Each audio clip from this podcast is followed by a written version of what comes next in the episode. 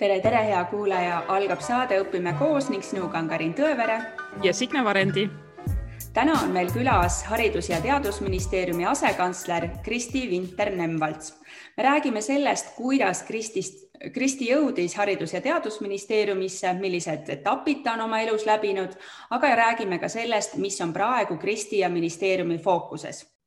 ja hea kuulaja, kas sa jälgid meid sotsiaalmeedias, leiad meid Instagramist ja Facebookist, et olla kursis uute saadete ja saatekülalistega ning kui sul on soov ja võimalus meid toetada, siis hakka meie toetajaks Patreonis.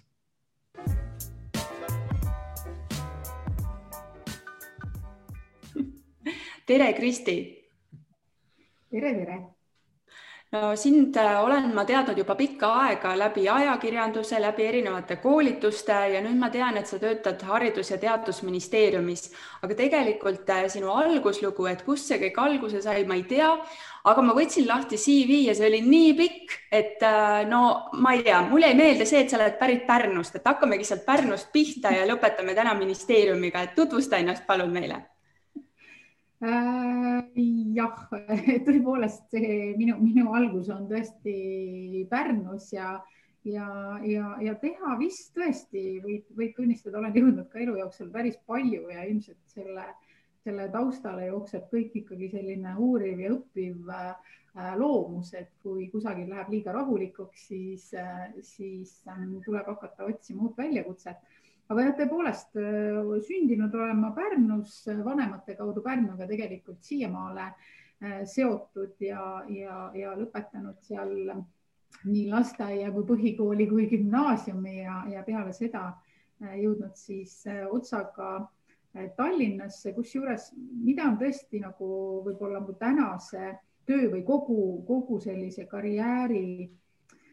või töö, tööalase äh, tee puhul äh, võib-olla oluline mõelda või tähele panna, et ma tegelikult juba, ma arvan, põhikooli lõpus äkki teadsin seda, et ma tahan saada õpetajaks, nii et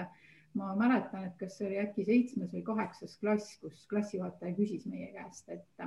et äh, mis tööd te tahaksite tulevikus teha või mis võiks olla teie elukutse, siis ma mäletan küll ennast selle, seda sinna paberile äh, märkimas ja, ja, ja mis veel äh, korrektsem, et siis ka lausa seda, et ma tahtsin saada väga lasteaia muusikaõpetajaks. no ütleme sada protsenti see ei, ei täitunud, vahepeal kadus sealt muusika ära, aga, aga see on olnud ka selline arvestatav osa kogu, kogu minu,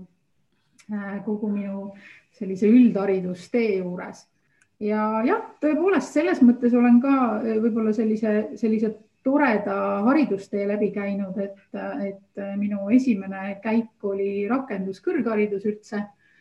õppisin lasteaiaõpetajaks, siis mäletan ennast üliõpilaste eest mm,. kuidas siis, kuidas siis nagu hästi öelda lahinguid pidanuna ülikooli ukse taga, kus me soovisime siis äh, minna äh, oma haridusteid jätkama, aeg oli segane. bakalaureuseõppesse üleminek tähendas seda, et võtta tuli kohe kogu nelja-aastane pakett, aga lõpuks siis meie sellised läbirääkimised ülikooliga viisid sinna, et me saime oma oma bakalaureusekraadid kahe aastaga kätte, sellele järgnes äh, Äh, magistratuur, kasvatusteaduste magistratuur, mis siis põhimõtteliselt oli natukene võib-olla laiema fookusega kui see mm, alusharidus, kus mu, kus mu juured on. ja, ja kuna õppimine jah, kujunes selliseks kireks ja, ja, ja teadasaamine ja tegelikult ka, ka teadusmaailm tundusid päris põnevad, siis äh, kaks tuhat kaheksa aasta Äh, otsustasin äh, proovida doktoriõppesse. tol hetkel tundus, et teema oli hästi innovaatiline, kui seda uurima äh, hakkasin, siis sain aru, et ohoo, et me ikka jookseme muul maailmal, muul maailmal selle teemaga tagantjärele ehk siis, ehk siis just nimelt see teemade ring sai valitud, et kuidas siis selline meie ümber olev meedia Äh, väikest last, tema arengut, tema õppimist äh, mõjutab. Ja lõpuks tuli ikkagi tõdeda, et ei, kogu see selline ekraanimeedia, vana, vana meedia tähenduses, siis televisiooni tähenduses on nii, nii Äh, ajast ja arust teema, et tuleb vaadata digimeedia poole ja mis siis vahepeal juhtuma hakkas, tulid tahvelarvutid sellel ajal, kui ma oma doktoritööd kirjutasin ja kõik muu tehnoloogia arenes nii kiiresti, et ma pidin ikka hullult pingutama, et jõuda oma doktoritöö kaitstud nii, et ta juba ei oleks vana sellel hetkel äh, kui, kui seda kaitsma jõuda, nii et jah, kaks tuhat kolmteist lõpetasin selle, paralleelselt olen kogu aeg teinud ka, mm, teinud ka siis äh, tee tööd kas siis lasteaias äh, või, või äh, pea, doktoriõpingute ajal kahe tuhande kaheksandast aastast tegelikult pedagoogilises seminaris, sealt edasi ülikoolis. nii et, et selline, selline põnev töö ja, ja õppimise pidev põimimine on see, on see minu, äh, minu haridus ja töökäik olnud ja,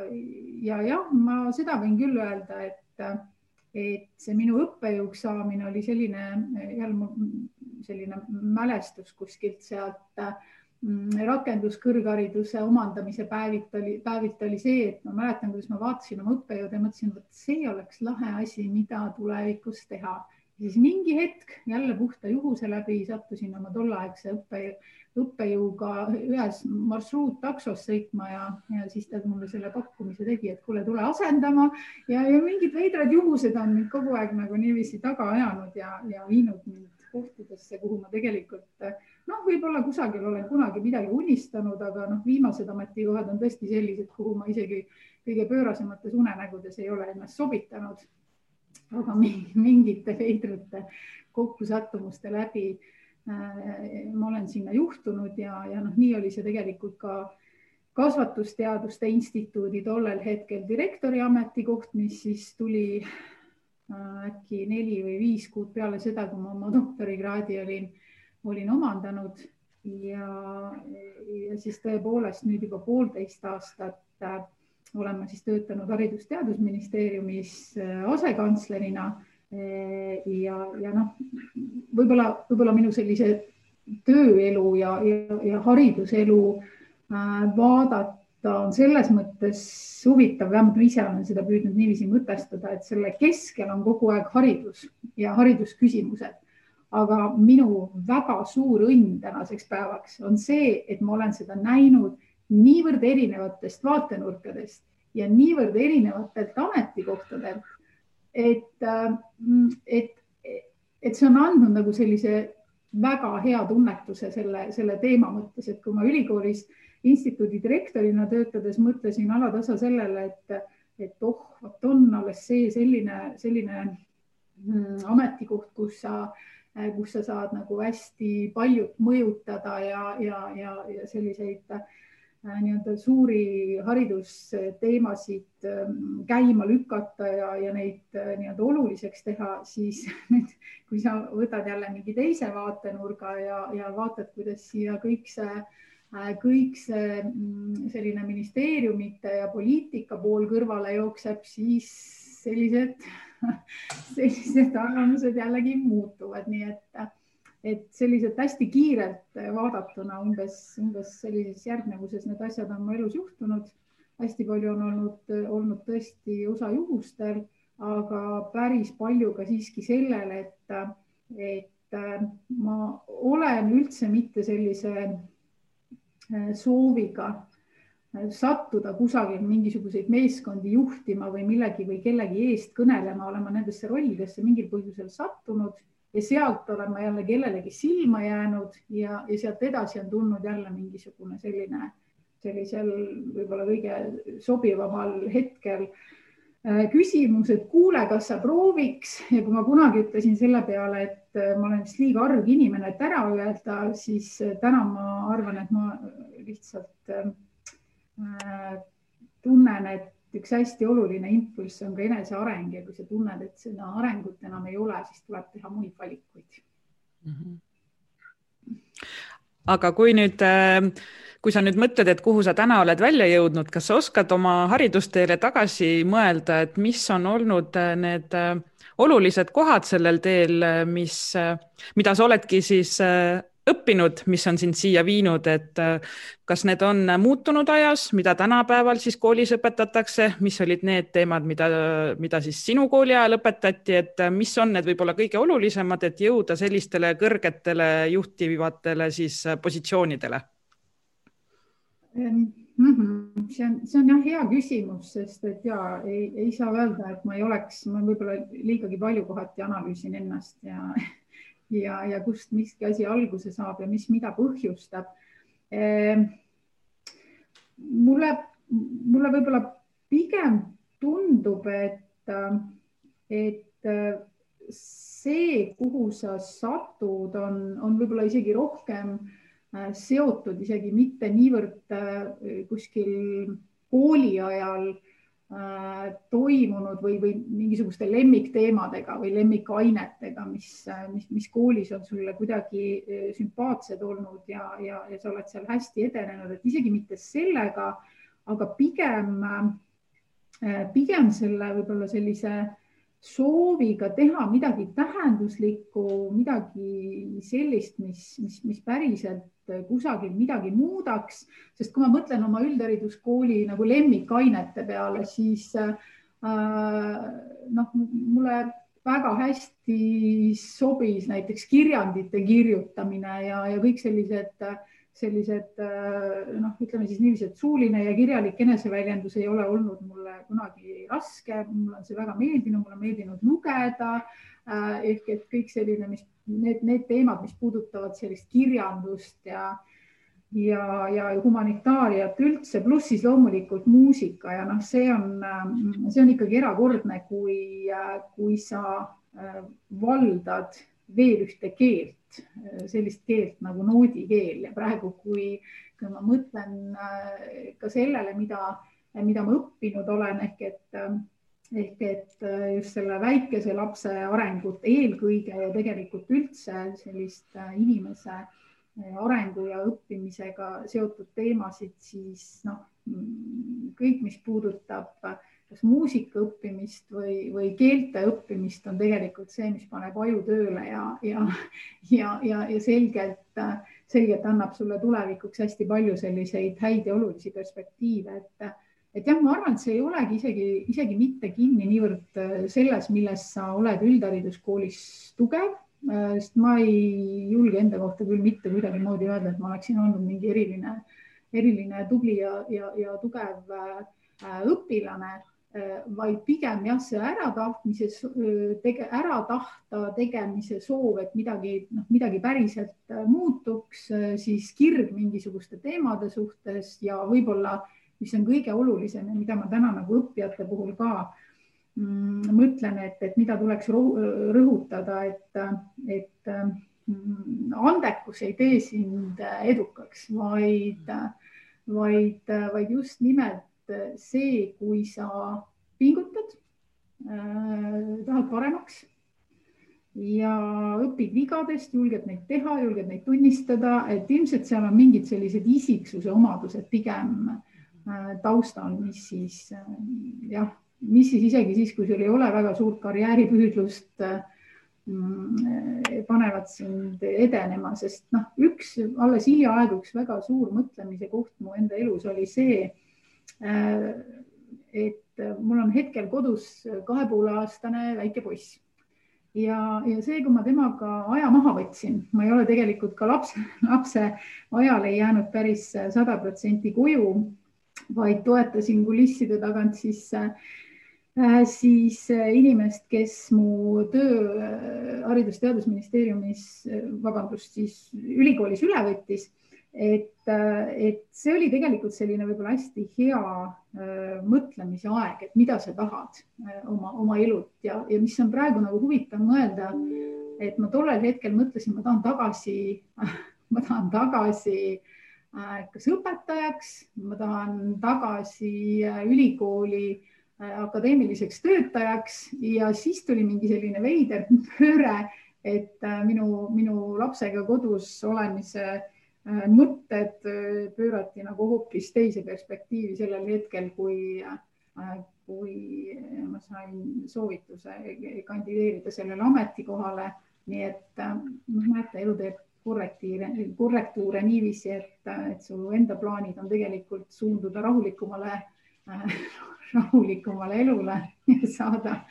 saada hoopis selline põnev kingitus oma elult, nagu, nagu seda tänane mm, ametikoht on.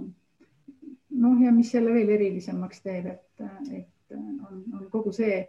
temaatika, mis on nüüd ju koroonaga kogu selle maailma äh, pahupidi pööranud, nii et, et võiks öelda küll, et erilisel ajal äh, oleme seda kõike tegema sattunud sa juba mainisin siit, mainisid siin sõna edenemismõtteviis, et selles oled kindlasti väga eeskujulik meile kõigile ja, ja ma kujutan ette, et see on see uus asi, mis viibki meid kõiki edasi, aga kes on sinu eeskujud ja suunanäitajad olnud, et inimestel tavaliselt ikka on kellelegi tänutundes nagu tagasi vaadata. Mm? -hmm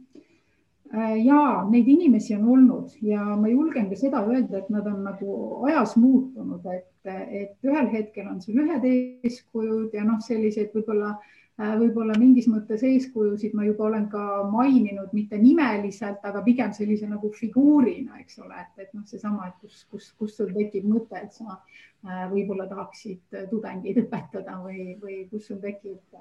tekivad ühed või teised sellised ideed, et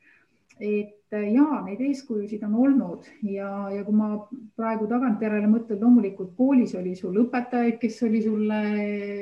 eeskujuks äh,, siis äh,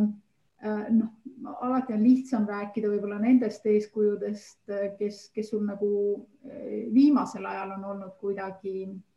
hästi mõjusad või inimesed, kelle poole sa äh, Äh, sa vaatad ja, ja noh, kas siis tahad nende moodi olla või vähemalt imetled seda, äh, mis neil on, mis neis kõiges on sellist, mida sul ei ole ja, ja, ja, ja kelle, kelle moodi sa tahaksid olla. et, et noh, selliseid inimesi, nagu te arvata võite, ülikoolidest äh, leiab alati palju, eks, et, et, et kes on sulle kas siis kolleegina Äh, väga väärtuslikud kaaslased või keda sa imetled sellepärast, et ta suudab äh, mingisugusest teemast äh, sulle, sulle mm, noh, ükskõik millisel hetkel anda niivõrd ammendavaid ja selgeid vastuseid, et, et eks nad kõik sellised on, noh, kui ma nüüd mõtlen eeskujude peale, et jah, et reeglina need inimesed on kõik, kõik sellised, kes, kes ei vaata asju ühest ühe kitsa mätta otsast, kes suudavad hoomata äh, hästi suurt pilti, äh, kelle puhul äh, võib öelda seda, et, et neil on selline noh, lai kultuuri ja maailmatunnetus ja kus see hästi nagu välja tuleb, et võib-olla seesama praegune keeruline Covid aeg on üks hästi hea näide, et et noh, mina näiteks oma töös kogen küll seda, seda hästi palju, et on, on inimesi, kes väga mm,, kuidas siis ma siis ütlen, isegi võib-olla sõjakalt või nõudlikult äh, räägivad selliste väikeste ja kitsaste teemade eest. Ja, ja mina, kes ma proovin alati need killud tõsta sellisesse suurde pilti kokku, näen, et väga lihtne on on äh, paati viltu ajada sellega, kui sa võtad ühe pisikese nii-öelda lemmikteema või mikroteema ja, ja, ja siis äh, nii-öelda võimendad seda tänases sellises veel äh, sotsiaalmeedia maailmas ka hästi suureks, aga tal terviku või suure pildi seisukohalt on selline väike mõju, et, et ma tõesti, ma isegi võib-olla võiks, võiks nagu öelda, et kes mul kes on aita, aidanud minu sellist võib-olla suure pildi nägemist äh, hästi palju toetada, on äh, üks on mu hea kolleeg mm, Tallinna Ülikoolist professor Aaro Toomela, noh, kes on, kes on mind alati ülikooli, Tallinna Ülikoolist töötamise ajast juba nõu ja jõuga toetanud ja keda ma, ma siiralt imetlen ja austan ja ma arvan, et selliseid inimesi on Eesti Vabariigis ka suhteliselt vähe, kes, kellel on teemade mõttes nii lai haare. ja, ja mille üle ma ka siiralt rõõmustan, et meie Tallinna Ülikool sai endale ka väga äh, hea uue rektori ehk et ka, ka, ka tõesti mm, väga hea sõber ja, ja, ja endine kolleeg Tõnu Viik on, on ka üks selline inimene, kelle, kelle suhtes mul on siiras äh, lugupidamine just nimelt äh, seetõttu, et, äh, et ta suudab näha hästi suurt pilti, aga samal ajal jääda hästi inimestele lähedale oma lihtsa eneseväljenduse ja keelega. et tihtilugu ju teadusmaailmas olevad inimesed kipuvad äh, minema ära nii kõrgele ja kaugele, et äh, räägitakse argistest asjadest, aga selliste sõnadega, et inimesed ei pruugi sellest aru saada, et, et ma arvan, et need kaks ära nimetatud, ma siis julgekski öelda, et võib-olla nad on hetkel mulle sellised hästi äh,, hästi sümpaatsed ja, ja, ja, ja, ja suureks eeskujuks olevad inimesed. Kristi, ma pean äh, siinkohal ütlema kohe tänusõnad ka sulle, et äh, sina tood teadusmaailma ka minu jaoks äh, lihtsas keeles, nii et mina sellest aru saan, nii et ma arvan, et, et see kehtib ka sinu kohta, et, et sa ei lähe nende sõnadega hirmus keeruliseks, et tavainimene, tavaõpetaja saab ka aru, millest sa räägid ja kui me räägime juhtimiskogemusest ja suure pildi nägemisest, siis see on sul ka kindlasti, eeskujud on sul olnud väga head, et sa oled neilt hästi õppinud, sest eh, nagu ma ennem mainisin seda sinu CV-d, et eh, kus iganes sa oled alustanud, sa oled alustanud kuskilt eh, positsioonilt, aga sa oled lõpuks jõudnud ikkagi tippu. ehk siis sa oled selle juhi positsiooni seal organisatsioonis võtnud. et mis asjad need on lisaks sellele suure pildi nägemisele, mis on sinu tööriistakohvris, et olla hea ja edukas juht? Äh, jah, ja ka jälle, jälle võib-olla sellised, äh, selles mõttes hea küsimus, et äh, ma olen sellele ise ka, ka jällegi mõelnud, et, et mis mind võib-olla juhina, mm, mis mind juhina aitab kindlasti, et üks asi on, on kindlasti see, et ma püüan teha kõik võimalikku selleks, et Äh, oma meeskonda hoida. Ja, ja ma ei pea ennast sugugi selliseks äh, võib-olla liiga palju inimeste inimeseks, et, et ma isegi, mul on alati olnud äh, oma lähimas meeskonnas inimesi, kellele ma ütlen, et tead, sina oled mu südametunnistus, sina tuletad mulle meelde, kui hakkab tekkima tunne, et ma kellestki jälle üle sõidan või, või, või et ma, et ma unustan ära, et, et inimesed on need, kellega koos me eesmärke saavutame, et, et, et mul sellised head valdajad on alati meeskonda äh, tekkinud ja võimalik, et ma neid tegelikult ka ise tekitan, tunnetades oma seda puudust, et ma võin minna eesmärkide poole kindlasti mitte kunagi laibataga aga, aga sellised, et ma ma, ma, ma võin mõnikord inimesed ära unustada, aga ma oma südames ma väga neid inimesi äh, püüan toetada, nad on mulle ääretult olulised. Ja, ja, ja tihtilugu ikkagi juhtub ka see, et, äh, et kui ma kuskile uude organisatsiooni, noh nüüd eriti juhina olen sattunud, see on mul siis nüüd äkki kolmas selline suurema Äh, suurema juhtimisülesande võtmine, et siis ikkagi äh, see meeskond, kes su ümber on, enamasti sa seda päranduseks ei saa. et enamasti ta tekib sinu ümber aja jooksul ja, ja, ja siis on tõesti see koht, kus sa pead väga pingutama nende inimeste nimel, sest et üksi sa ei ole mitte keegi. ja see on ka võib-olla üks, kui siin lihtsalt oli nagu eeskujudest juttu enne, et et äh, see oli üks asi, mida ma tõesti nagu siiralt imetlesin mm, äh, näiteks äh, Tallinna Ülikooli siis eelmise rektori Tiit Landi puhul ka erakordne meeskonnamängija, kellelt oli seda, seda tõesti palju õppida, nii et näete, hakkab tulema vaikselt neid, neid eeskujusid siin veel,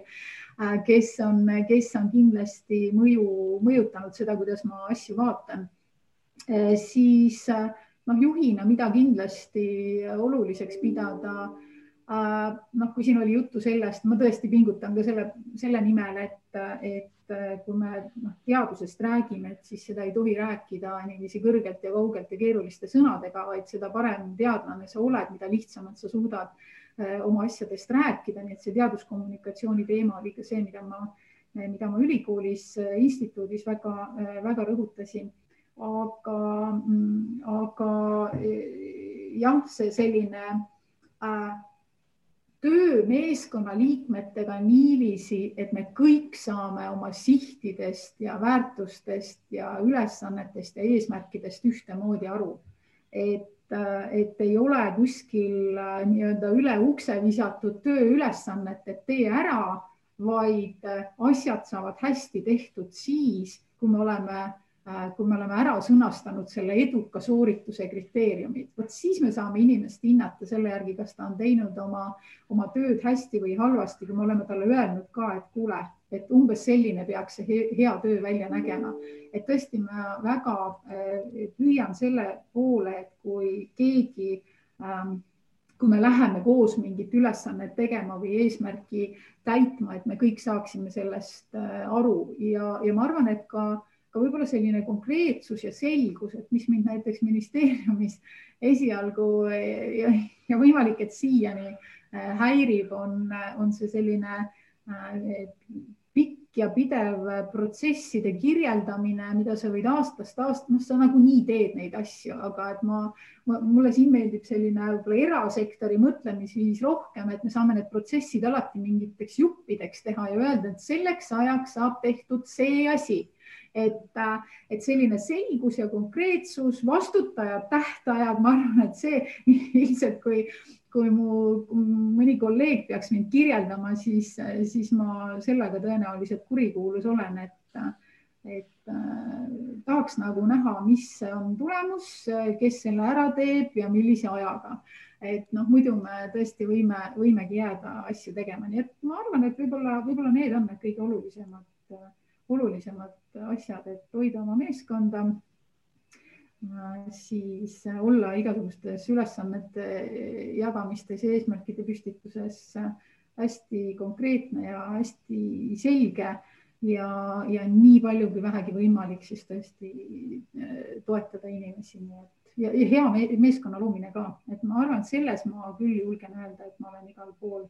olnud võrdlemisi edukas, et ma olen saanud vähemalt meeskonnad äh, väga heaks, isegi kui ma sealt ise mingi hetk välja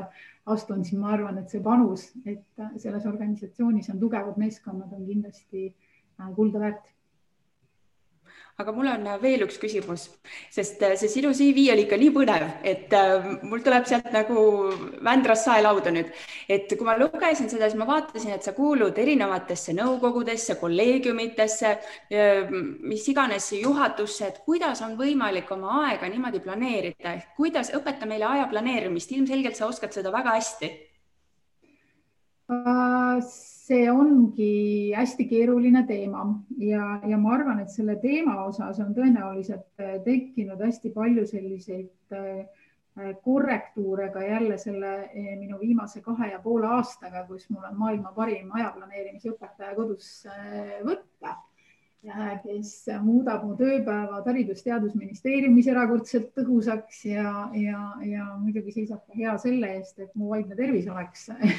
korras selle pinge juures, mis siin, mis siin töö juures on. aga eks see tegelikult tähendabki, tähendabki seda, et, et sa ikkagi väga tõsiselt mõtled läbi need asjad, kus sa oled ja mis sa teed kas noh, mis oli jälle niisugune hästi valdav ja see on igal pool, kui uus inimene organisatsiooni tuleb, et siis ju äh, haaratakse uute nägude järgi kohe ja kutsutakse igale poole ja osale siin ja ole siin kaasas ja tee seda. Ehk et tekib tihtilugu see tunne, et ma peaks olema justkui igas, igas pulmas pruut, aga et hästi kiirelt tuleb teha endale selgeks need asjad, et kus ma päriselt äh, saan äh, Äh, kaasa rääkida ja olla ja kus see minu osalus on vajalik ja, ja, ja, ja siit tuleb edasi järgmise sammuna kolleegide usaldamine, et kui nad on minu meeskonna liikmed, siis nad on sama head või paremad või kordi paremad, isegi julgeks öelda, kui mina. ehk et ehk kindlasti selline, äh, selline äh, mitte mina indiviidina, vaid mina, mina meeskonnaliikmena ja, ja, ja meeskonnaliikmete usaldamine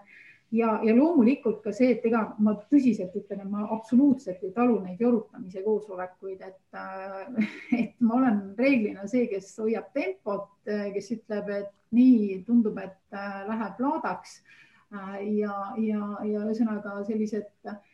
koosolekud ja kohtumised peavad olema hästi konstruktiivsed ja äh, mis ei tähenda seda, et noh, näiteks kasvõi oma meeskonnaga ei ole aeg-ajalt vaja kokku istuda ja rääkida kõigest muust ja tähistada, edu tuleb ka tähistada, kui me oleme midagi erakordselt hästi teinud, siis see edu tähistamine on hästi oluline, aga selleks on oma aeg mm, ja selleks võetakse ja selleks tuleb võtta aega, nii et ma arvangi, et see on pigem nagu selline mm, hästi intensiivne kontsentratsioon äh, Äh, olulistest tegevustest tööpäeval. Äh, kõik sellised ajaröövlid tuleb, tuleb üle parda visata. noh, jällegi mu võib-olla eelmise, eelmisest nii-öelda akadeemilisest elust ja uurimistöödest, et ega äh, noh, telefon on maailma kõige hullem majaröövel ja kõikvõimalik sotsiaalmeedia ja kõik sellised asjad, need, neil ei ole liiga palju minu elus kohta, et, et ma isegi tunnen, et noh see kõik need blinkimised ja muud säärased asjad, mis võivad su tähelepanu eemale ajada, need, need tuleb minimeerida, hästi hoida ennast see tööaeg maksimaalses fookuses, nii et eks sealt see aeg tegelikult tuleb, sest me kohutavalt palju kulutame aega tegelikult just sellistele äh, võib-olla sisutühjadele, sisutühjadele tegevustele, millel ei ole ei ole seda tulemust äh, taga, nii et äh, aga ma ei saa öelda, et see on kogu aeg niiviisi olnud, see tuleb, äh, see tuleb igas organisatsioonis, sa saad järjest sinna mingit kihti või tuumakust külge, et, et see on ajakasutus eelkõige jah. ja segajate vältimine. Et noh, ma ei kujuta ette, et mul näiteks ministeeriumis astuks siin keegi ukse vahelt sisse, kuule, ma tulin sinuga lobisema ei julge keegi siia niiviisi tulla ja, ja ei ole ka mõistlik, et, et see, see, see koht on töökoht ja see on tööaeg nii, Kristi, aga mulle tundub, et me peame edasi minema nüüd äh, väga detailselt ja fokusseeritult, sest me nüüd kuulsime, et äh, tühja loba siin, äh, siin saates ei sallita. et aga lähemegi sinna Haridus- ja Teadusministeeriumi asekantsleri rolli, et mis on sinu fookuses täna siin ja praegu? Äh, täna, siin ja praegu, kui päris aus olla, siis äh, võib-olla kõige suurem äh, südameteema hetkel on kõige selle käimalükkamine ja koordineerimine siit, mis aitaks nüüd lähiaastatel koolid või üldse haridusvaldkonna sellest Covidi poolt tekitatud, põhjustatud äh, segadusest välja saada. ehk siis see, mida me ise siin töökeeli nimetame äh, väljumisplaaniks. et, äh, et jah, et võib, võib küll öelda, et, et kui ma pean ühe sellise olulise asja välja tooma, siis see on kindlasti see, mis, millisel moel aidata koolid, eelkõige õpilased, pean ma siin silmas ikkagi õpilasi sellest äh, Covidi ajast, mis on olnud ju hästi segane, hektiline, koolid ja klassid on lülitunud, ma ei tea, nädalate kaupa distantsi, hübriidi, kontakti, selline segadust, hektilisust, korratust hästi palju, mis ju kõik tegelikult äh, töötab sellise õppimise normaalse keskkonna vastu et äh, tänagi veel äh, sain selliseid küsimusi, et aga, et kust te võtate, et see olukord äh, võib olla koolide vaates selline, et noh, et on, on ju piirkondi ka, kus ei ole üldse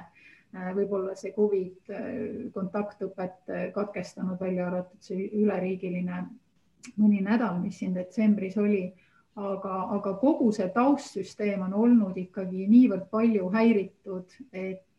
et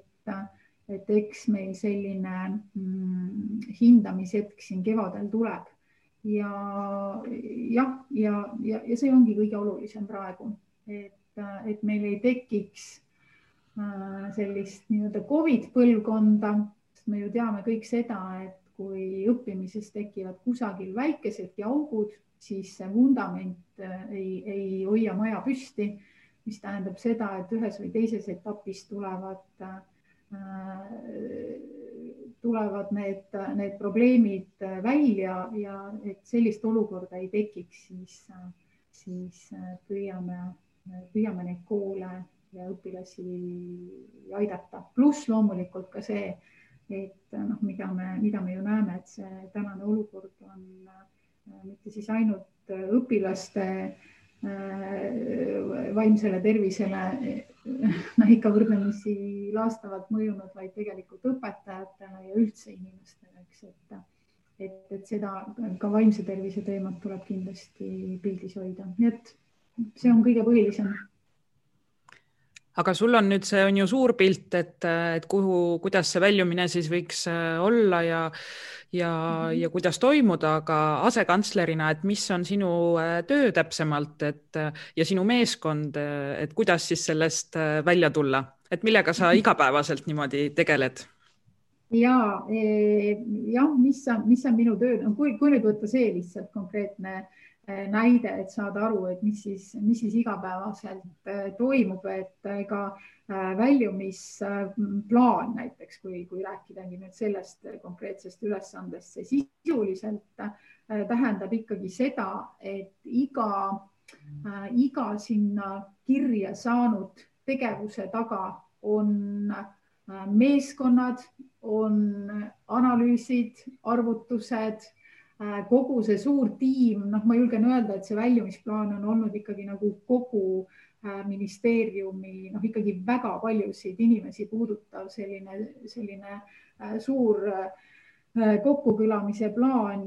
et, et kõikide nende tegevuste taha tuleksid reaalsed, noh, reaalsed nii, nii siis finantsvajadused inimesed, kes sellest abi saavad, milliste meetmetega lõppkokkuvõttes kõik see, see siit majast välja läheb, et tõesti kõik äh, toevajajad saaksid selle kätte, et see ei oleks nagu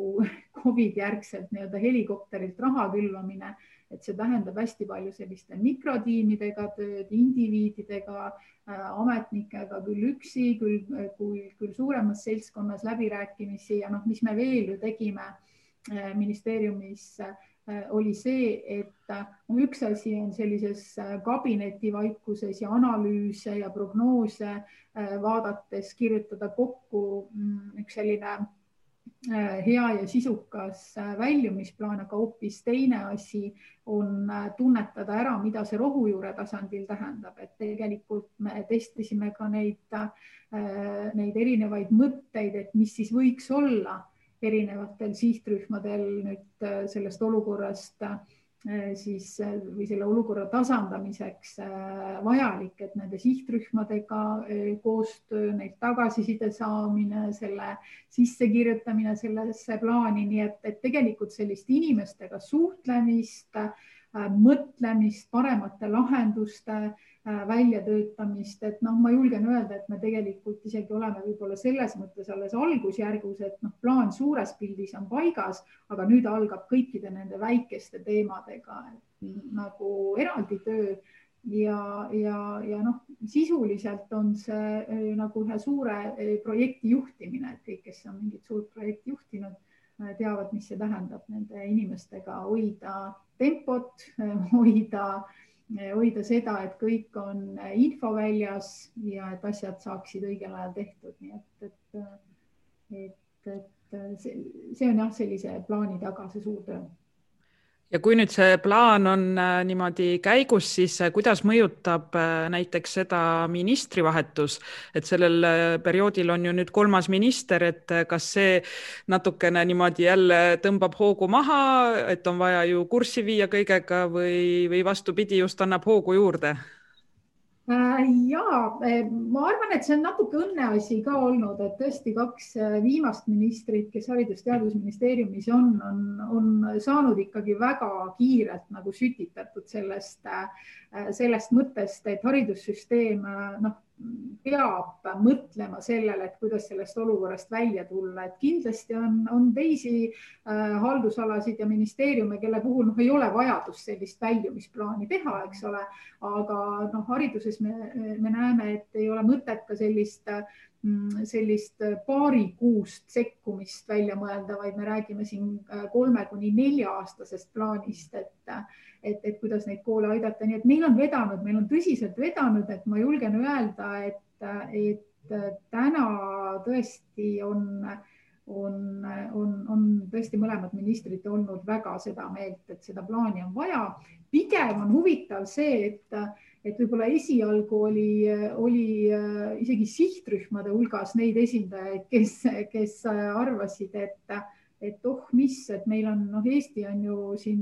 digiriik ja, ja meil on maailma parim haridus, et noh, küll me sellest mhm. äh, loost ka siin tuleme, äh, tuleme probleemideta välja, eks ole, aga, aga noh, päris nii me ei saa öelda, et me oleme digiriik küll ja me oleme väga tugev haridusriik ka, aga me ei ole mitte keegi kunagi olnud sellises pandeemias. meie õpetajaid ei ole selliseks olukorraks toimetulekuks ette valmistatud. Nad on pidanud väga palju tegelikult äh, nii-öelda upunujun äh, meetodil asju õppima. jah, mõned tabavad kohe naela pea pihta, aga mõnel on vaja, äh, vaja neid meetodeid ja kõike seda, kuidas seda, kuidas seda kõige mõistlikumalt ja õppijale soodsamalt äh, orkestreerida, õppida, aga see on kõik see aeg, mida, mida meil ju tegelikult ei, ei ole, sest õpilane õpib ja areneb, äh,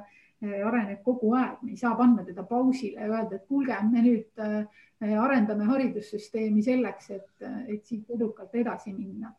nii et, et jah, mõlemad ministrid on olnud need, kes on lennult haaranud selle, selle äh, mõtte, et äh, on vaja ja neid ei ole tulnud veenda selles, et, et kuulge, aga kust te seda võtate? Et, et meie edukas äh, haridus- ja digiriik võiks kuskil äkki vajada haridusvaldkonnas järele tugimist. Aga kas sa, Kristi, saad natukene seda saladuse loori siis kergitada ka, et mis see väljumisplaan siis mis see siis tegelikult on, et äh, me kõik ju teame, et ressursid on piiratud, raha, aeg, inimesed. ja, ja eks ma natukene ikka saan, et, et äh, noh, ühest küljest jällegi noh, võib-olla siin isegi, isegi räägib minust jälle natuke rohkem kasvatusteadlane kui, kui riigiametnik, aga kui me tahame õppija arengut äh, suunata, siis kõige olulisem asi on tema hetketaseme äh, tundmine, mis tähendabki seda, et meie jaoks võib-olla selline esimene ja kõige pakilisem ja kõige kiirem teema oli põhimõtteliselt äh, ära otsustada ja sihtrühmadega läbi rääkida see, et äh, mida teha eksamitega, kuidas suhtuda tasemetöödesse ja muud säärased asjad, sest me võime ju mõelda, et tegelikult õpilaste selline stress, äh, ka vanemate stress kodudes väga erinevatel põhjustel on, on, on oluliselt suurem ja kui me nüüd lisame sellele veel eksamistressi äh, või, või tasemetööde stressi, et siis see kasvab kõik üle pea.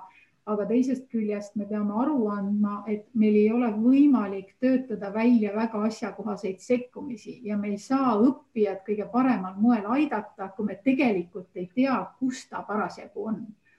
ja sellepärast on, on noh, üks hästi oluline ja kaalukas osa väljumisplaanist on seotud äh, just nimelt nende igasuguste äh, e-hindamistega, tasemetöödega e, e-testidega, mis on siis tõesti äh, annavad õpetajale võimaluse selle õppija, õppija tasemest ülevaadet saada ja noh, muidugi ka, ka põhikooli lõpueksamid ja, ja gümnaasiumi riigieksamid, mis, mis puhtalt seetõttu, et, et nii-öelda kogu selle süsteemi äh, nüüd sellist äh, järellainetust vaadata ja, ja, ja paremini, paremini sekkumisi sihitada on hädavajalikud. ja siit edasi loomulikult väljumisplaani mõttes e-testide arendamine äh,, kõikide nende, nende mm, äh, noh, tehnoloogiliste võimaluste arendamine, mis, mis Covidiga siin ju väga päevakorda on kerkinud, et et, et need on hästi olulised ja aktuaalsed, siis kindlasti tuleb äh, üle vaadata äh, õpetajad, mitte ainult õpetajate, tegelikult võime siin rääkida koolijuhtidest, õpetajatest, noorsootöötajatest, noh, kes, kes iganes selles äh, situatsioonis on, on laste ja noortega kokku puutunud, et kõikide, mm, et, et et need täienduskoolitused vastaksid võib-olla just sellele vajadusele, et nad aitaksid selle Covidist äh, Covidi järgse äh, maailmaga toimetada, et see on oluline pakett tegevusi. siis digiõppevara edasiarendamine, tegelikult, mis on jälle väga päevakorda kerkinud, õppekavade sissevaatamine, et, et, et siin elu ja olu on ju sedavõrd palju jälle selle Covidiga muutunud, et, et kõik, kõik need asjad toovad kindlasti sellist eh, analüüsimist ja võib-olla arendamist lauale, eh, siis kõik kõik need tegevused, mis on seotud näiteks äh, välja, potentsiaalsete väljalangejate tuvastamine, neile võimaluste pakkumine, äh, siis äh, tasanduskursused, intensiivkursused vajadusel, et need, kellel on siis kas mingisuguste teemade suhtes või ainete suhtes jäänud, jäänud augud või nad ei tunne ennast kindlalt või nad tahavad minna edasi õppima näiteks ülikooli, aga aine on oluline, aga, aga distantsõpe näiteks üldse ei sobinud. et need on nagu kõik sellised äh, sellised äh, teemad, mis on ühel või teisel moel selle plaani osad ja noh, mis eraldiseisvana jällegi vajavad sellist läbimõtlemist, läbi arutamist, partneritega läbirääkimist, et nad oleksid ikkagi võimalikult äh, siis vajadustele vastavad, sest noh, kindel on see, et see Covid aeg ei riiki ega kogu seda maailma rikkamaks ei teinud mis tähendab seda, et meil iga kulutatud sent peab olema nagu väga hästi läbimõeldud ja väga hästi sihitatud just nimelt sinna, kus seda abi on kõige rohkem vaja no mulle tundub, et sa siin kirjeldasid praegu piltlikult öeldes sellist ikkagi tulekahju kustutamist, esma- ja arstiabi andmist on ju sellises äh, pandeemia olukorras praegu, aga kui palju siia sisse on ruumi ka haridusinnovatsioonile, just sellist tulevikku vaatamist ja, ja nendele lahendustele, et kas see on praegu ka fookuses? oo oh jaa, äh, äh, see, see, see on isegi võib-olla kogu selle pandeemia ja tegelikult selline rõõmsam pool, et alati tuleb äh, halva, halb olukord ära kasutada selleks, et, et äh, saavutada kusagil kas mingisugune spurt või edenemine või, või, äh, või, või positiivne nihe ja muutus. Mm, kui me oma, oma väljumisplaani nüüd siin kolleegidega jällegi korduvalt oleme lauale võtnud ja mõelnud, et meil ei saa olla ministeeriumis nagu selliseid kolme või nelja paralleelset tööplaani, et me väljume, mille taga on suur inimeste töö, siis me äh, viime arengukavasid ellu, mille taga on suur töö ja siis on veel kuskil mingisugused tööplaanid, vaid see peab olema ministeeriumi jaoks selline kena üks tööplaan. ja kui me võtsime nüüd meie arengukavad, mis praegu hetkel küll ei ole veel veel Riigikogust läbi käinud, aga siiski on enam, enamus inimesi nende peale juba reipalt noogutanud. Äh, võtsime need kõrvale meie väljumisplaanile, siis me nägime seda, et äh, tegelikult kogu selle Covid äh, väljumisega on võimalik äh, saavutada väga palju meie arengukava juba eesmärke või anda, mitte, mitte neid kohe nüüd saavutada, aga anda neile nagu selline tuul tiibadesse. Ja, ja mis me olime muidugi sunnitud tegema, et arengukavas võib-olla meie enda esialgne plaan enne Covid elu oli, oli mingite teemadega hakata hiljem tegelema, siis nüüd, äh, mis, mis nagu juhtub või mis see tegelikkus meile siis lauale toob, on see, et me lihtsalt peame mingite teemadega kiiremini spurtima ja võib-olla kui me sellist äh, kogu seda, seda e-hindamise ja muud sellist maailma siin nägime nagu jooksvat juhtumas, siis me nüüd näeme, et me peame selle teraviku sinna suunama ja see tõenäoliselt hakkab muutma ka, ka kogu seda hindamise filosoofiat ja muud säärast, mis, mis, mis ju Äh, selles ähm, arengukavas on kenasti sees ja noh, mille meile nüüd Covid tõesti nagu äh, sellise äh, lausa nagu ma ei oska öelda, sellise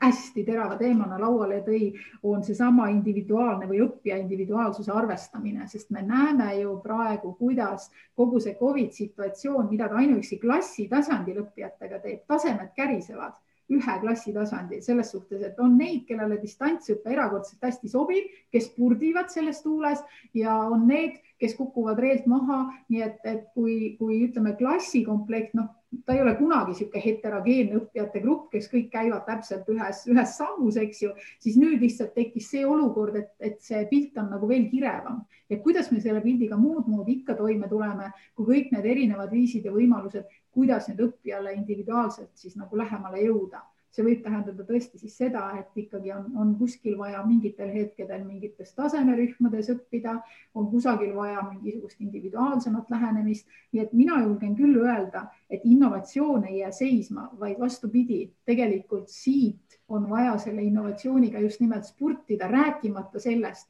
et isegi kui, kui, kui nagu kiputakse seda distantsõpet võib-olla pigem rohkem nagu demoniseerima, kui selle, selle plusse välja tooma, siis ma arvan, et ka selle mm, selle sellise õpetamise ja õppimisviisi edasiarendamine paindlikkuse tekitamiseks haridussüsteemis on äärmiselt oluline nii et äh, ei, ma ütleks, et Covid on loonud väga palju potentsiaali väga paljude tulevikuhariduse oluliste teemadega spurtida mm. -hmm. Aga ja kuidas... seda me püüame toetada ka mm. -hmm aga kuidas äh, ministeeriumis äh, võib-olla siis üldse defineeritakse haridusinnovatsiooni, et kuidas teie nagu sellest aru saate, sest mulle tundub, et võib-olla tavaõpetajad äh, äkki saavad natuke teistmoodi aru, igaüks mõtleb ju omamoodi, et mina jutu järgi kuulan, et need on nagu siis viisid, kuidas rakendada muutunud õpikäsitlust näiteks, et aga mis on siis ministeeriumi selline arusaam haridusinnovatsioonist jah, see on selles mõttes hästi hea teema, et kui juba tuleb, tuleb äh, kasutusele termin muutunud õpikäsitlus, siis see, mida me oleme, äh, oleme ju selles uues arengukava protsessis, mida mul on olnud nüüd ikkagi päris pikalt võimalik siit ju kõrvalt jälgida hästi palju arutanud, et ega see muutunud õpikäsitlus on, on ka ikkagi inimeste peades üsna erinevat nägu, hoolimata sellest, et juba väga-väga pikka aega sellest räägime ja, ja. ma ütleks ja, veel siia juurde ka õppimist toetav hindamine, mis sai ju alguse kujundavast hindamisest, need, need mõisted, et kõik see nagu, et noh, ongi natuke segadust tekitav. ja just ja, ja kui mitte rääkida siis tõesti sellest, et et äh, kui kujundava hindamise all on ka palju, äh, sageli peetakse lihtsalt sõnalist hindamist selleks, siis tegelikult see ei ole ju selle idee tuum ja jällegi selle Covidi valguses see vajadus on jälle erakordselt äh, päevakorrale kerkinud, et me peaks hakkama sellega nüüd sisuliselt tegelema, et me juba rääkida sellest võib-olla isegi oskame. nii et ja sellist ühte definitsiooni on nagu hästi keeruline öelda, aga, aga võib-olla on sellest äh, natukene selgem äh, aru saada just nimelt niiviisi ja jällegi, kui ma nüüd püüan, püüan nagu arengukava kategooriates mõelda, et siis äh, ega ka eelmine arengukava oli ju see, mis võttis õppija individuaalsuse fookusesse. aga mulle tundub, et me eelmise arengukavaga õppisime sellest nagu rääkima nagu kuigivõrd aru saama, et mida see selline õppija toetamine võiks tähendada, siis äh, see äh, uus haridusstrateegia, mis tegelikult ongi jätkuarengukava, võiks nüüd jõuda tõesti sinna, et tekivad väga konkreetsed ja praktilised lahendused sinna peale, et kuidas seda ikkagi päriselt teostada. Ja mida ma siin sellega mõtlen, noh näiteks jälle, mis on ka meie selle väljumisplaani hästi kaalukas ja oluline osa,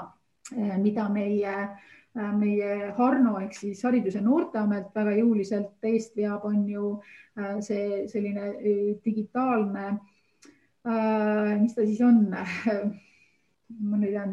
jään pealkirja kätte, aga põhimõtteliselt just nimelt see, et kogume kokku kõik õpijäljed, digitaalsed õpijäljed ja püüame sellest tekitada siis sellise, sellise öö, noh, digitaalse eh, süsteemi või ökosüsteemi, mis tõesti hakkab, eh, hakkab õppijate kohta andmeid koguma, midagi kuskil ennustama, õpetajale eh, ja õpilasele kuskil tagasisidet andma, midagi vihjama õppimise toimumise kohta, et jätta siis õpetajale rohkem aega just õppijaga selles ühes ruumis siis individuaalseks toimetamiseks või individuaalsemaks lähenemiseks. Ehk et ma tahaks võib-olla jah mõelda, et, et me jõuame nende jah, selliste praktilisemate lahendusteni, et kuidas seda haridusideaali võimalikult õppija arengupotentsiaal välja arendada, päriselt toetada niiviisi, et õpetajad jääksid ellu, et meie väga palju räägitud digitaalne tehnoloogia tõepoolest äh, hakkaks äh, tegema õpetaja eest mingeid liigutusi, selliseid mehaanilisemaid liigutusi ära, pluss tegelikult ka jälle arengukava üks oluline osa on ju ka tegelikult õpetaja tööaja selline, sellise inventuuri läbiviimine, et, et meil on olnud olukord, kus me kus me pidevalt ju paneme õpetajale justkui kohustusi ja ülesandeid juurde, aga me ei ole võtnud väga palju seda aega, et vaadata, et noh, mis sinna sisse kõik on nüüd kokku pakitud ja kas see, mida õpetaja tegema peab, on ikkagi päriselt reaalne ka. et, et noh, et just leida nagu sellised lahendused mis siis äh, igakülgselt nii õpetaja heaolu ja toimetulekut arvestades kui digitaaltehnoloogia võimalusi rakendades, äh, pluss siis uusimat hariduspsühholoogia äh, alast teadmist, siis kasutades ikkagi jõuaks sinna, et me saaks jälle mitu praktilist sammu selle õppija individuaalse arengu toetamisele lähemale, nii et, et mina paneks jah, jätkuvalt selle innovatsiooni tuumaks siis äh, kõik selle, millest me nüüd eelmise arengukavaga õppisime hästi rääkima ja vist ka juba paljud aru saama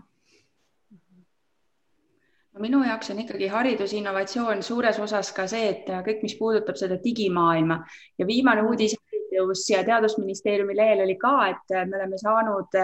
Eesti esimese hariduse erisaadiku Birgit Lao. Ja ma saan aru, et need on siis, äh, tema töö saab olema siis see, et kõiki neid äh, startup'e, kõiki neid häid digilahendusi, mida me siin oleme katsetanud, avastanud, äh, teinud, et neid maailmale tutvustada ja, ja siis võib-olla kasvatada neist seda sisu veel rohkem ümber, et nad veel paremaks muutuvad. et mm. kuivõrd Eesti õpetajad teavad kõikidest nendest startup idest, millega kõik, kõik olemas on, kas, kas nad on teadlikud, nad tegelikult ei jõua Äh, jah, äh, kindlasti on startup'e kõvasti, kõvasti rohkem kui õpetajaid, kes, kes neid täna äh, kas siis kasutada oskavad, suudavad või neist kõike teavad. ja, ja, ja kindlasti on ka, ka see väljakutse, et ega, ega need head lahendused, mis on koolide jaoks välja töötatud, et noh seal, seal ongi mitu momenti, ühest küljest peab kindlasti saama selliste lahenduste äh, kas siis nende tutvustamine või vähemalt nende, nende lõimimine ja põimimine õpetajate õppesse äh,, kas siis taseme või täienduskoolituse kindlasti selle oluliseks osaks, et nad hakkaksid nagu õpetaja sellisesse tööharjumustesse sisse juurduma, sest et, et kindlasti need innovaatilisemad ja entusiastlikumad õpetajad leiavad need üles, aga, aga kui, kui sul seda kirge selle tehnoloogia vastu ei ole ja sa praktilist vajadust ei tunneta, siis midagi ei juhtu aga samas, kui õpetaja koolitus ise juba suunab neid asju selles protsessis Äh, kus sa alles mm, õpid koolis toime tulema, neid kasutama, siis kindlasti on tõenäosus nende, nende juurdumiseks oluliselt äh, suurem. Noh, mida ka, ka võib-olla jälle selline nende keskkondade äh, keskkondade kasutamise nagu tagasiside koolide vaates ikkagi näitab, et, et isegi kui on välja töötatud selline noh, ma ei tea, siis kasvõi hariduspsühholoogia vaates selline väga hea lahendus, siis ikkagi võib juhtuda niiviisi, et selle rakendamine äh, võib-olla täna õpetaja tööülesannete kõrvalt on sedavõrd ajamahukas, et ta annab kõike head sisendit head väljundit ja nii edasi, aga lihtsalt ta ei mahu sellesse, sellesse õpetaja päeva kuidagi ära ja, ja, ja, ja noh, sealt tulevad juba järgmised probleemid, nii et mulle tundubki, et kui me hakkame seda innovatsiooni äh, juurutama nüüd nende selliste äh, startup'ide või digilahenduste, heade digilahenduste näol, püüdes neid pakkuda tänasesse äh, sellisesse äh, koolikorraldusse või süsteemi, siis see mõnel puhul võib õnnestuda, aga üsna sageli jällegi ei õnnestu, sest tegelikult see vajab mingite suuremate süsteemide ja protsesside äh, muutmist ja sealhulgas ka õpetaja tööaja läbimõtlemist ja, ja, ja seda, et, et kuidas me ikkagi reaalselt saame ka seda digitaaltehnoloogiat kasutades õpetajale äh, reaalset tööaega juurde. Ja noh, siit tuleb see teine pool, mis on nagu, mille ma jätsin küsimata, on see, et igal õpetajal on oma lemmikkeskkonnad, oma lemmik kõik asjad, mida ta kasutab, aga lastel peab olema see selline puslepilt kõik ees, et see õpetaja, see keskkond, need paroolid, millega kõik vanemad ilmselt nüüd distantsõppel ka kokku puutusid, et kas Haridusministeerium näeb siin mingit sellist, et teeks mingisugused ühed kesksed asjad, millesse panustada või siis äh, jäädakse sellele äh, seisukohale, et ikkagi iga õpetaja jääb oma valikute juurde, mis temale sobib ja meeldib või kooli tasandil. et äh, kuidas teie üritate selles virvarris nii-öelda ellu jääda just selles mõttes, et nüüd meil on hariduse erisaadik mm? -hmm ja see on jälle siin meie praeguse olukorra ajal nagu erakordselt hea küsimus selle, sellepärast et et kevadel oli hästi selgelt näha, äh, kuidas äh, see päevapealt distantsõppele kukkumine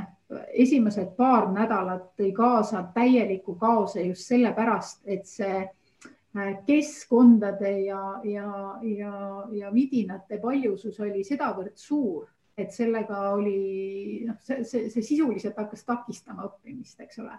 ja, ja peale seda loomulikult äh, me pidasime siin äh, õpetajate äh,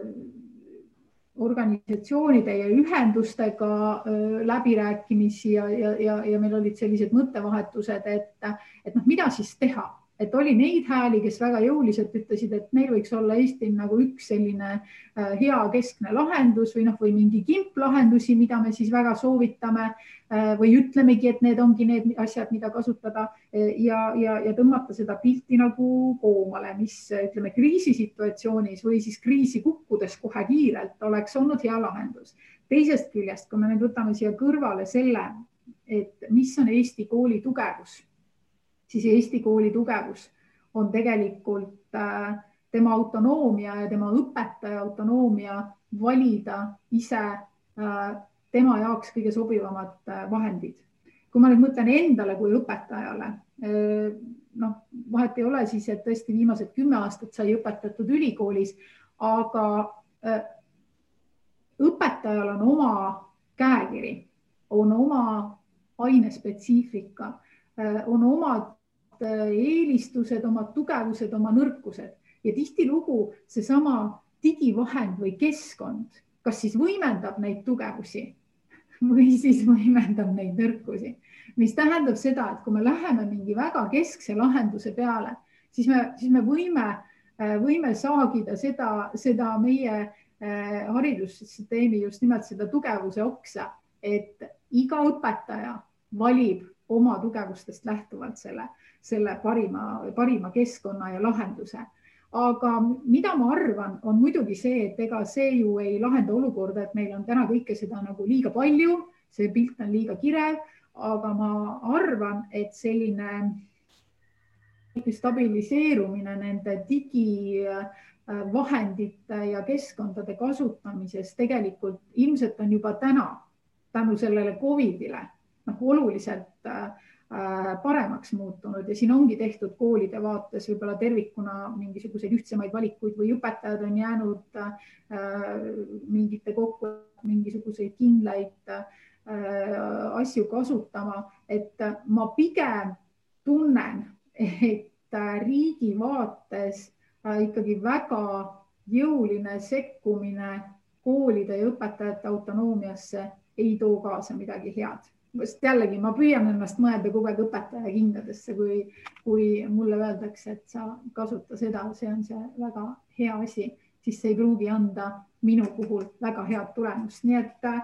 et ma arvan, et ma praegu ja, ja me oleme seda vaielnud ka ja me oleme õpetajatega ja jäänud,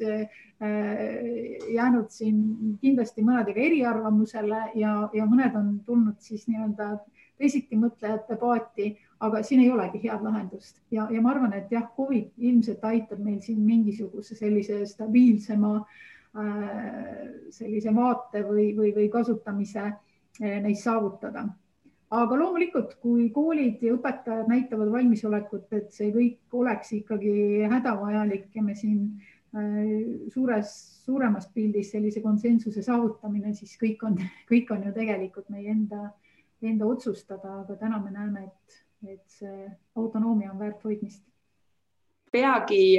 või õigemini just tuli uudis, et rahuloluküsitlused õpilastele, õpetajatele, lapsevanematele ja noh, ilmselt nende tulemuste saamisega läheb veel aega, aga kindlasti on ju erinevate osapoolte rahulolust olete te kuulda või rahulolematusest olete te ju kuulda saanud ja tegelikult meie saade on ju eelkõige ikkagi õpetajatele ja kui enne Covidi aega oli see me tead, teadmine, et õpetajad ei väärtusta enda tööd ja kohati võib-olla natuke rohkem vinguvad, kui peaksid, siis tegelikult asi nüüd on ju päriselt õudne õpetajate seisukohast ka vaadates, et, et äh, milliseid samme või selliseid nõuandeid saab õpetajale anda? Äh, kas nüüd konkreetselt nende rahuloluküsitluste põhjal või? no sellist lootuse kiirt, mis on nüüd kaasa toonud just see Covidi situatsioon, et mida teie näete, et mis on tulemas, mis, kus on see helge tulevik äh, jah äh, absoluutselt sel, selles rütmis tulebki mõelda, et kusagil on see helge tulevik, aga tegelikult see, millest siin äh, varasemalt juttu ka oli, et äh, ma arvan, et äh, sellel Covid järgsel, loodetavasti järgsel või vähemalt, vähemalt siis eh, sinnapoole teel olles, mis tõenäoliselt tuleb mm, nii ministeeriumi poolt toetada kui ka koolides hästi teadvustada, on just nimelt kõik need vaimse tervise, vaimse tervise küsimused. Ja, ja, ja, ja noh, kui nüüd mõelda, et mis Äh, mis koolide endi vaates või mis see lootuskiir võiks olla, siis, äh, siis ma siin pean jälle tagasi hüppama korraks selle, äh, selle meie praegu sisustatava väljumisplaani juurde, mis, mis seab koolidele ikkagi või annab koolidele loodetavasti võimaluse Äh, seda suurenevat, noh, mina kahtlustan küll, et see töökoormus äh, õppijate erinevate tasemete pealt ju pigem suureneb. et tekivad võimalused äh, koolide toetamiseks lisavahenditega, et, et siis kas kooli või kohaliku omavalitsuse tasandil oleks tõepoolest võimalik leida lahendusi selleks, et kas võtta, võtta selleks keeruliseks ajaks abiõpetajaid juurde, teha, teha, ma ei tea, seal kokkuleppeid, kokkuleppeid vanematega, võtta palgale need õpetajad täistööajaga, kelle töökoormus on võib-olla täna väiksem, ühesõnaga noh, sellised, selline nii-öelda väike lisaraha võimalus, mis annab, ähm,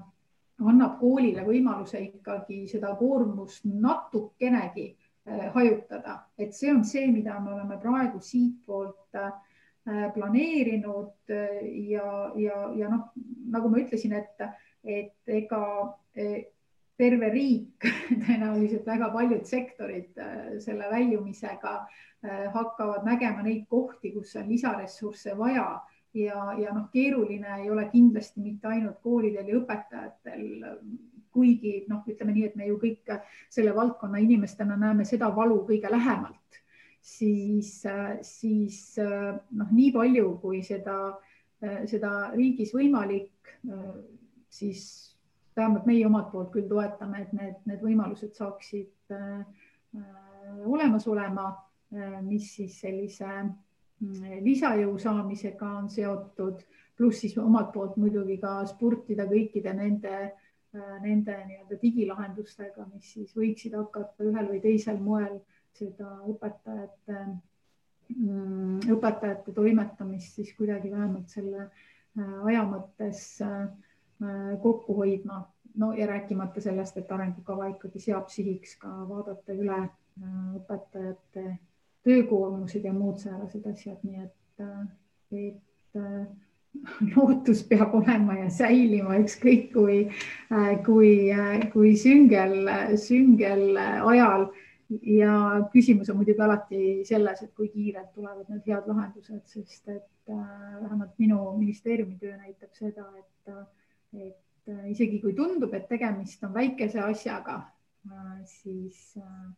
nii palju, kui on erinevaid inimesi, on erinevaid arvamusi ja et need arvamused saaks rohkem ühele põrandale kokku, tuleb teha väga palju tööd. ja, ja kui väljast vaadates tundub, et, et ministeerium on selline staatiline koht, kus miski ei idane ega mädane, siis, siis sees see nii ei tundu ja kogu see,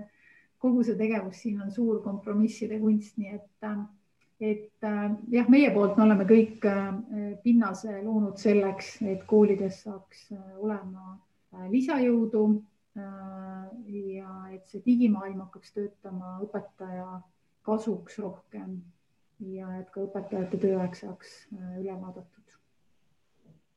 ma tahtsingi küsida, et Kristi, mis on need asjad, mis sinus tekitavad seda töörõõmu?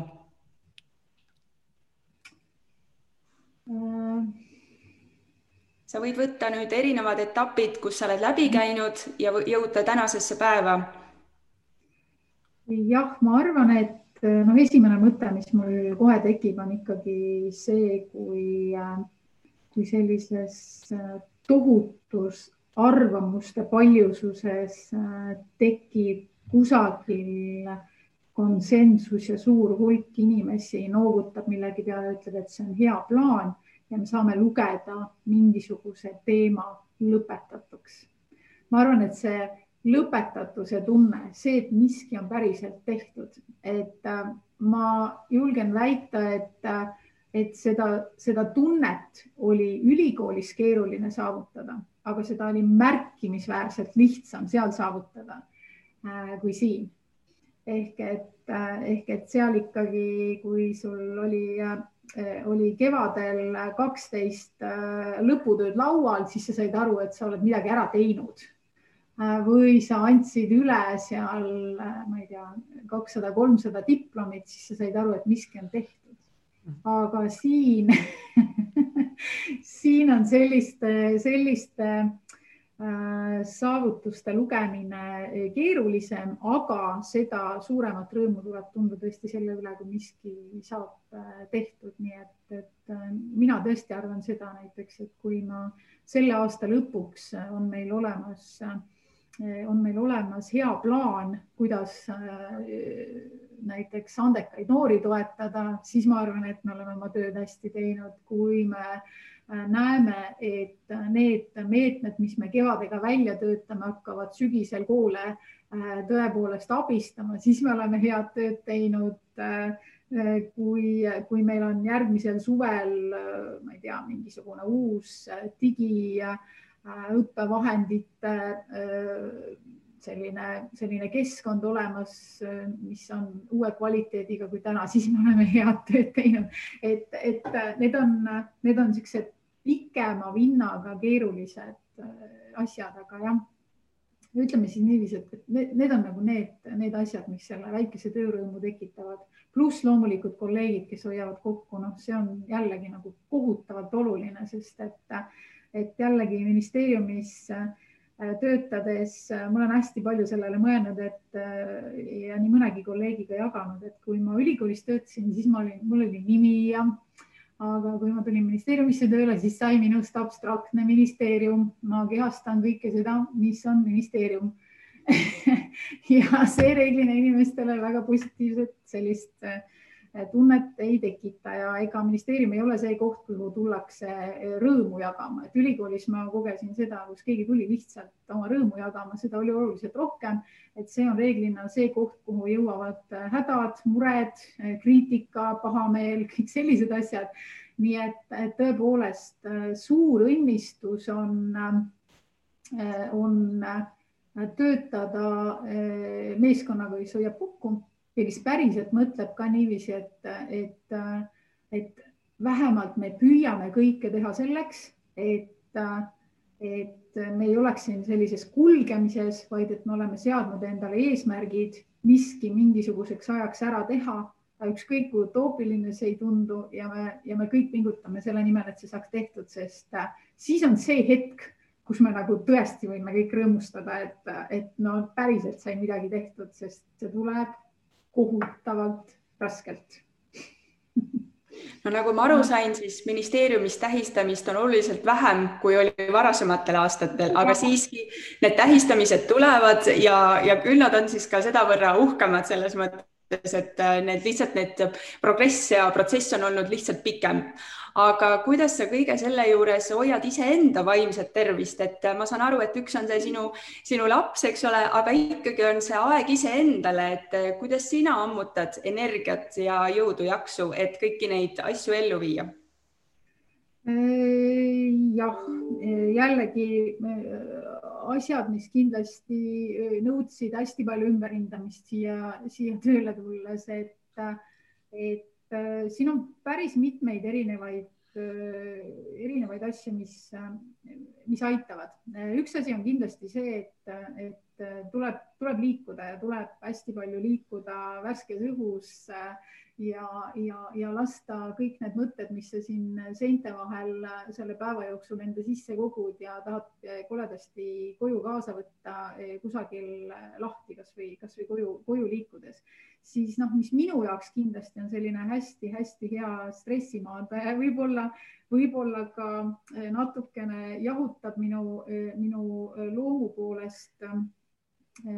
seda nälga kiirete tulemuste järele. ma noh, see on minu jaoks olnud nagu läbi erinevate ametite kohutav äng, et ma tahan hästi kiireid tulemusi ja nüüd ma olen sattunud kohta, kus nad tulevad maailma kõige aeglasemalt, eks ju. et, et siis tuleb,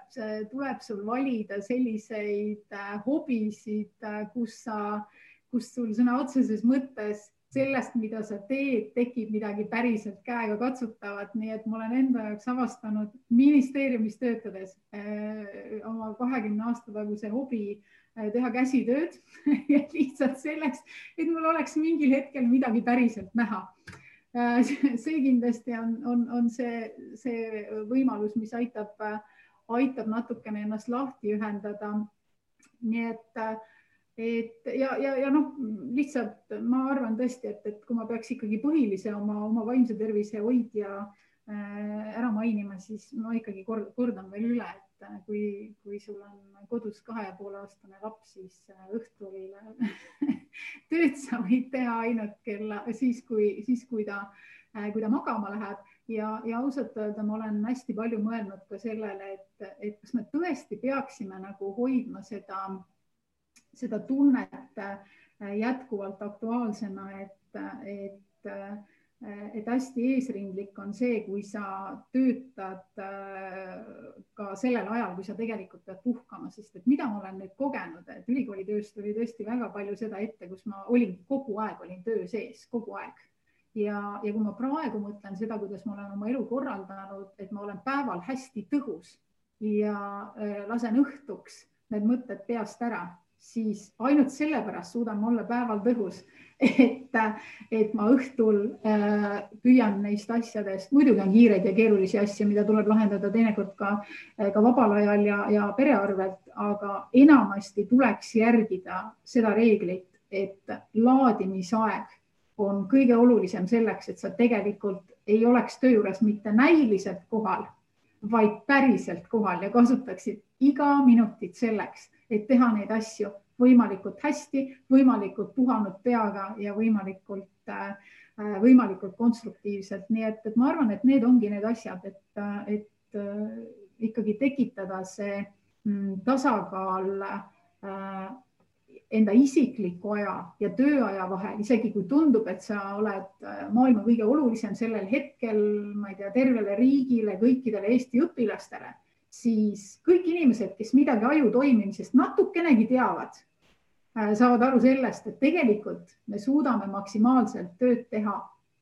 neli kuni kuus tundi päevas. Ja ülejäänud aeg me matkime töö tegemist, nii et noh, ma olen oma kolleegidele ka öelnud, et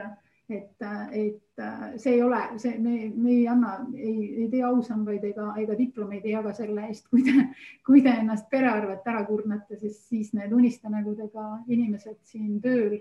ei ole mõttega kaasas, ei tee häid otsuseid, häid valikuid ja seda on meil siin selles asutuses kõige rohkem vaja no need on suurepärased nõuanded kõik, Kristi. ja ma tean, et, et sa oled, sul on päevaplaan paigas ja meil on aeg lõpetada. nii et kas sul on, Kristi, meil, meile veel mõni küsimus, et vot selline, selle küsimuse jätsime me küsimata, et, et sul oli see kuskile kirja pandud, sest sul on ju süsteem paigas jah, süsteem on paigas küll. Aga, aga küsimusi kirja pandud ei olnud, aga mida ma tõesti nagu, nagu vaikselt mõtlesin, et, et kui me räägime siin nagu tulevikuvaatega pigem, mitte ei, ei, ei jää minevikku kinni, et siis äh, omamoodi mul on hea meel, et see täiesti kogemata jutuks tuli, et me tõesti äh, tõesti sellest Covidist väljumist püüame ära kasutada selleks, et saada tegelikult äh, haridus äh, edenemisele, ma ei taha siin öelda jälle innovatsioon, kõik need asjad on niisugused natukene nagu kulunud, aga sellele, et me saaksime oma, oma haridussüsteemi, mis on nagu nii väga hea, nagu veel järgmisele tasemele ja tõesti liikuda selle ideaali suunas, et et kui me nüüd oskame rääkida hästi sellest muutunud õpikäsitlusest, et siis äkki nüüd, nüüd Covidi väikesel tõukel äh, õpime seda ka rohkem ja, ja paremini rakendama. et see on võib-olla, äh, võib-olla lihtsalt see, mis ma nagu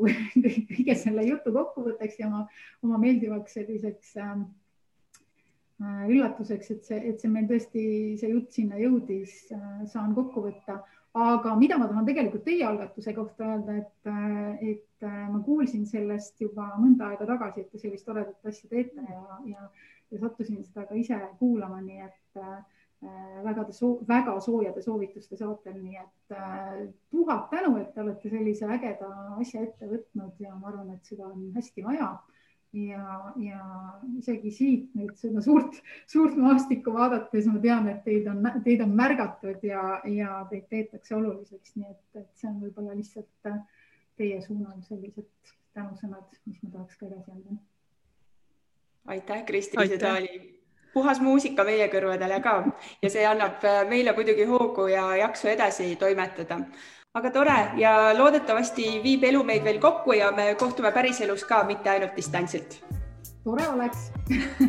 nägemist ja ilusat päeva. nägemist